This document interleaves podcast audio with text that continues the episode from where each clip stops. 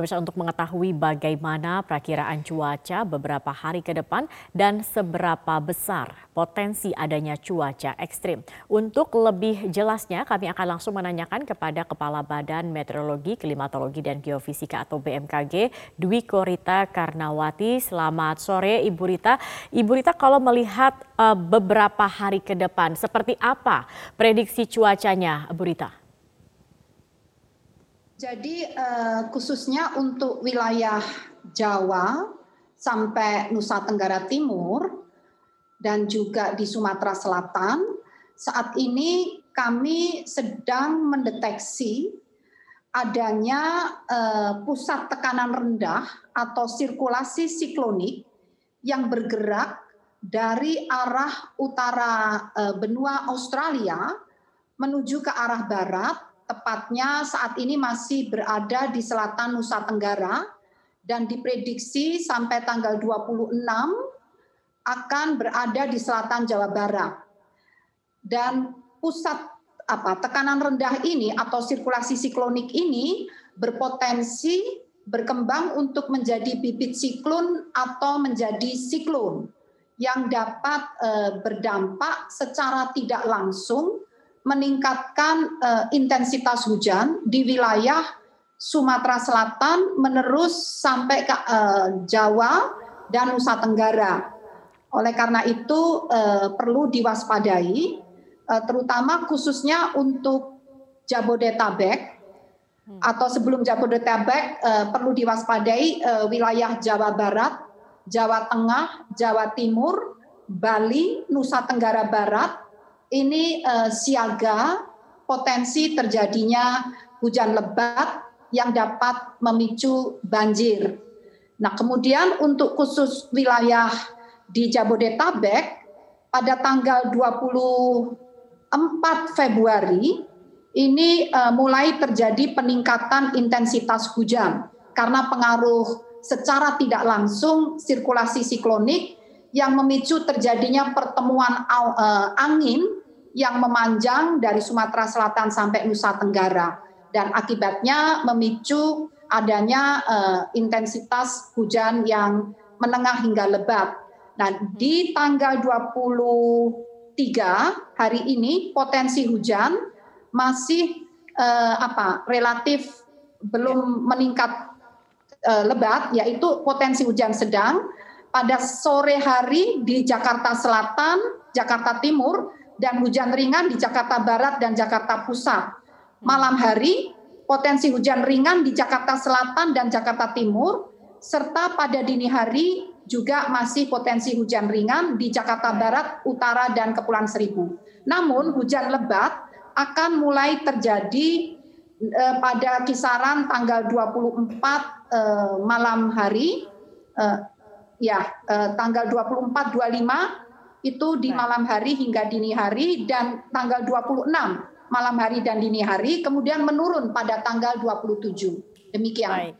Baik, Bu Rita kemarin ini BMKG sempat mengatakan waspada cuaca ekstrim begitu hingga 25. Apakah 25 Februari ini bisa dikatakan sebagai uh, puncak begitu dari musim hujan atau dari cuaca ekstrim ini? Ya, jadi kalau mengatakan puncak musim hujan ini masih akan berlangsung hingga akhir Februari. Tidak hanya berhenti sampai 25, tapi akhir Februari 28 dan awal awal Februari, eh, maaf awal Maret itu masih berlangsung. Dan kewaspadaan itu eh, tidak hanya sampai kalau kemarin kan tiga hari sebelumnya kami ya. selalu menyampaikan eh, tiga hari ke depan, jadi sampai 25. Namun saat ini kami mengupdate dari 25 masih berlanjut sampai 26 baru 27 mulai menurun kembali. Demikian. Baik. Jadi Artinya, ekstrim bisa uh, terjadi uh, lebat sampai uh, apa? Ekstrim bisa terjadi terutama di tanggal 25 26. Okay. Di malam Baik. atau dini hari. Baik, Bu Rita, artinya uh, musim penghujan ini masih akan terus berlanjut hingga Maret dan belum bisa diprediksi begitu kapan puncaknya akan terjadi.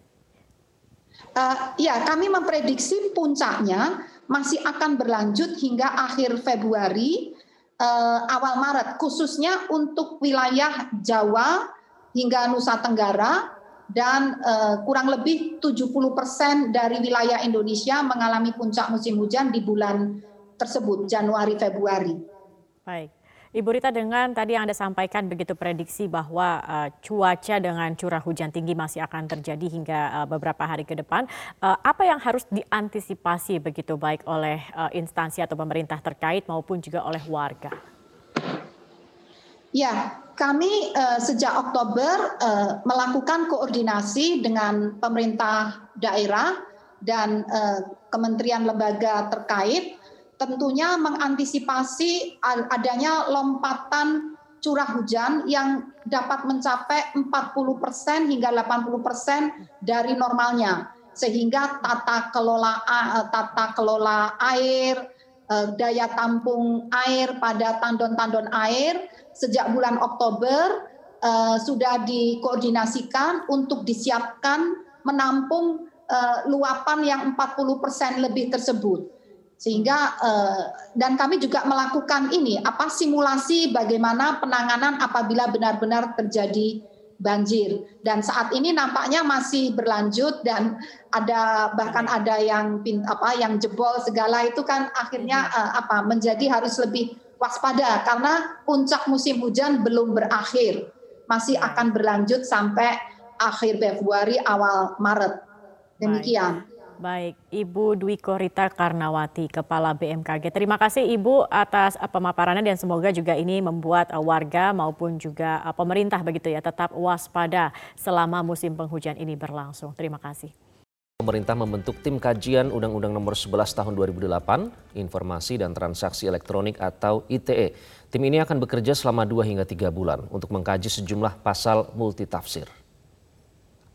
Pemerintah membentuk tim pengkaji Undang-Undang Informasi dan Transaksi Elektronik atau UU ITE melibatkan tiga kementerian yakni Kemenko Polhukam, Kementerian Kominfo, dan Kementerian Hukum dan HAM. Pembentukan tim ini berlangsung dalam rapat kerja bersama unsur terkait di kantor Menko Polhukam Jakarta Senin siang. Menko Polhukam Mahfud MD meminta Polri dan Kejaksaan Agung tidak menimbulkan multitafsir dalam menerapkan Undang-Undang ITE sembari menunggu hasil kerja tim pengkaji UU ITE selama 2 hingga 3 bulan. Tim ini nanti akan laporan ke kita, apa bentuknya? apa hasilnya gitu. Nah sembari menunggu yang dua atau tiga bulan itu nanti uh, Polri Kejaksaan Agung Pak Pak Jambidum tolong penerapannya itu supaya betul-betul tidak multi interpretable, tidak multi tafsir, tetapi orang merasa adil.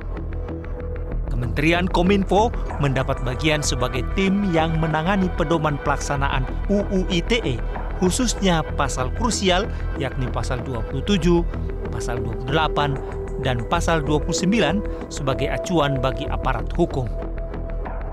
Nah, Kominfo akan menangani tim pedoman pelaksanaan Undang-Undang ITE khususnya yang terkait dengan pasal krusial 27, 28, dan 29. Pedoman pelaksanaan undang-undang yang dibuat ini adalah sebagai acuan bagi aparat penegak hukum. Pembentukan tim kajian UU ITE merupakan tindak lanjut dari arahan Presiden Joko Widodo saat Rapimnas TNI Polri pada 15 Februari 2021.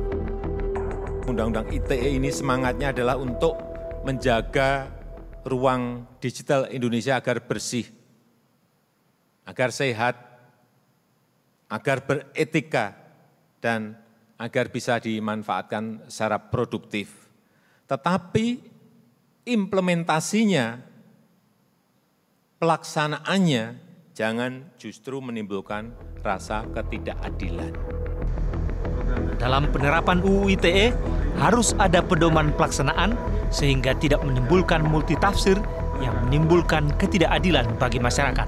Dan kita langsung berbincang dengan Menteri Komunikasi dan Informatika Joni G. Plate untuk informasi selengkapnya. Pak Menteri, selamat siang. Siang Iqbal. Pak Menteri, sehat, apa ya? sehat? Semoga Pak Menteri juga sehat. Uh, Pak Menteri, apa urgensi dibentuknya tim kaji UU ITE ini ya Pak? Karena sejumlah uh, kajian dari lembaga hukum menyatakan bahwa tahun 2016 sampai 2020 Ada hampir 700 orang yang dipenjara karena pasal karet dalam UU ITE. Apakah ini ada hubungannya dengan hal itu? Uh, ini hubungannya dengan arahan presiden. Ya, presiden memberikan arahan sesuai tujuannya undang-undang itu dibuat.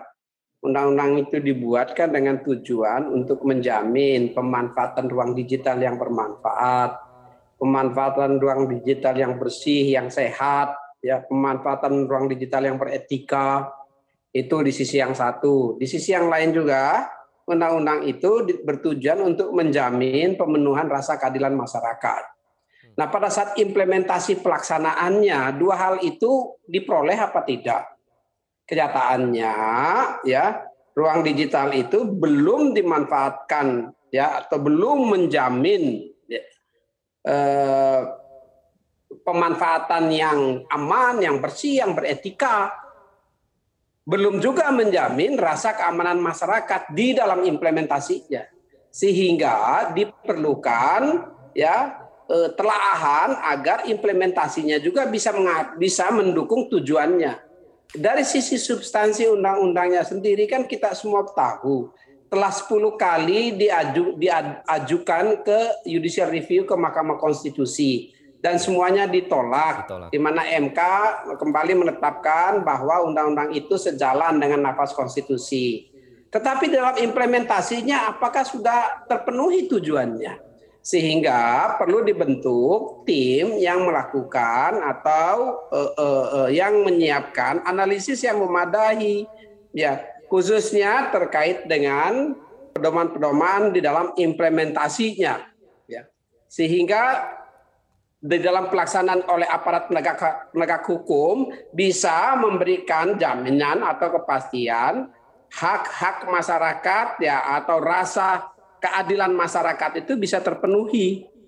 Sehingga Menko Polhukam membentuk tim ya melalui surat keputusan keputusan Menko Polhukam nomor 22 tahun 2021 ya. Itu tentang kajian undang-undang tentang informasi dan transaksi elektronika atau kajian undang-undang ITE yang dibentuk di dalam tim dua tim, tim pengarah dan tim pelaksana. Tim pelaksananya pun mengacu kepada dua subtim. Yang satu subtim yang bertindak yang bertugas untuk merumuskan kriteria penerapan Undang-Undang ITE agar menjadi acuan bagi aparat penegak hukum dan yang satu melakukan tim yang kedua yang melakukan telaahan ya atas pasal-pasal dalam Undang-Undang ITE yang dianggap multi tafsir tersebut. Itu dua tim timnya sudah terbentuk dan sekarang baru mulai bekerja. Apakah ini nanti uh, uh, pedoman pelaksanaan ini nanti akan uh, jadinya dalam bentuk peraturan menteri atau atau peraturan pemerintah, Pak Menteri? Apa pertimbangannya? Nah, ini dia. Kita saya belum bisa mendahului ya, belum bisa mendahului hasil kajiannya.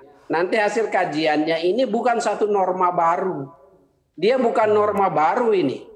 Tapi dia satu pedoman acuan bagi kepolisian, bagi kejaksaan di dalam melaksanakan penegakan hukum terkait Undang-Undang ITE di ruang fisik dan menjadi acuan bagi Kominfo untuk mengawal ruang digitalnya.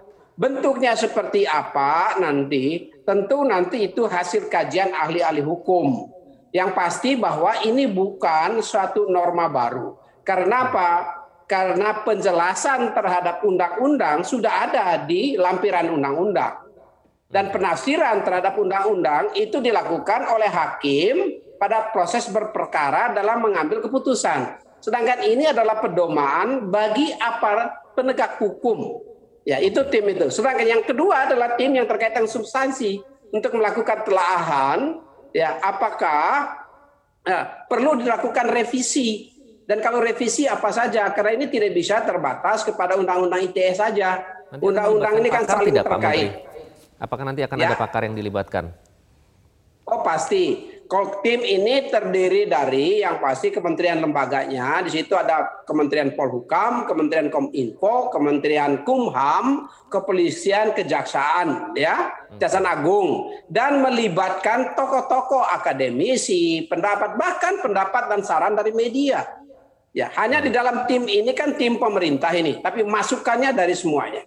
Ini artinya dengan ya. adanya pedoman pelaksanaan ini nanti tidak akan ada lagi ya Pak jaminan uh, tidak ada lagi multitafsir, kemudian pasal karet dan yang kesan kriminalisasi bagi warga yang ya, yang yang yang yang pasti diharapkan yang pertama di pedoman ini nanti akan membuat agar ya penerapan itu lebih selektif Jangan semua hal itu, tapi lebih selektif. Yang kedua, eh, kedepankan dulu karena ini ini sengketa di antara masyarakat ya. Kedepankan dulu yang mekanisme penyelesaian di luar pengadilan, ya mediasi sebelum berperkara. Yang ketiga harus bisa melihat apa dampak dari proses perkara. Apakah kalau perkara itu nanti keputusan pengadilannya memberikan dampak yang luas, ya dampak yang masif ya atau memberikan benar-benar ada dampak jerah atau itu kasus sengketa orang perorangan yang justru menimbulkan ya rasa ketidakadilan. Nah ini yang nanti pedoman itu menyiapkan sehingga implementasinya sebagaimana harapan masyarakat itu bisa diperoleh. Tetapi jangan sampai revisi atau telaahan pedoman ini membuat kekosongan hukum di dalam ruang digital.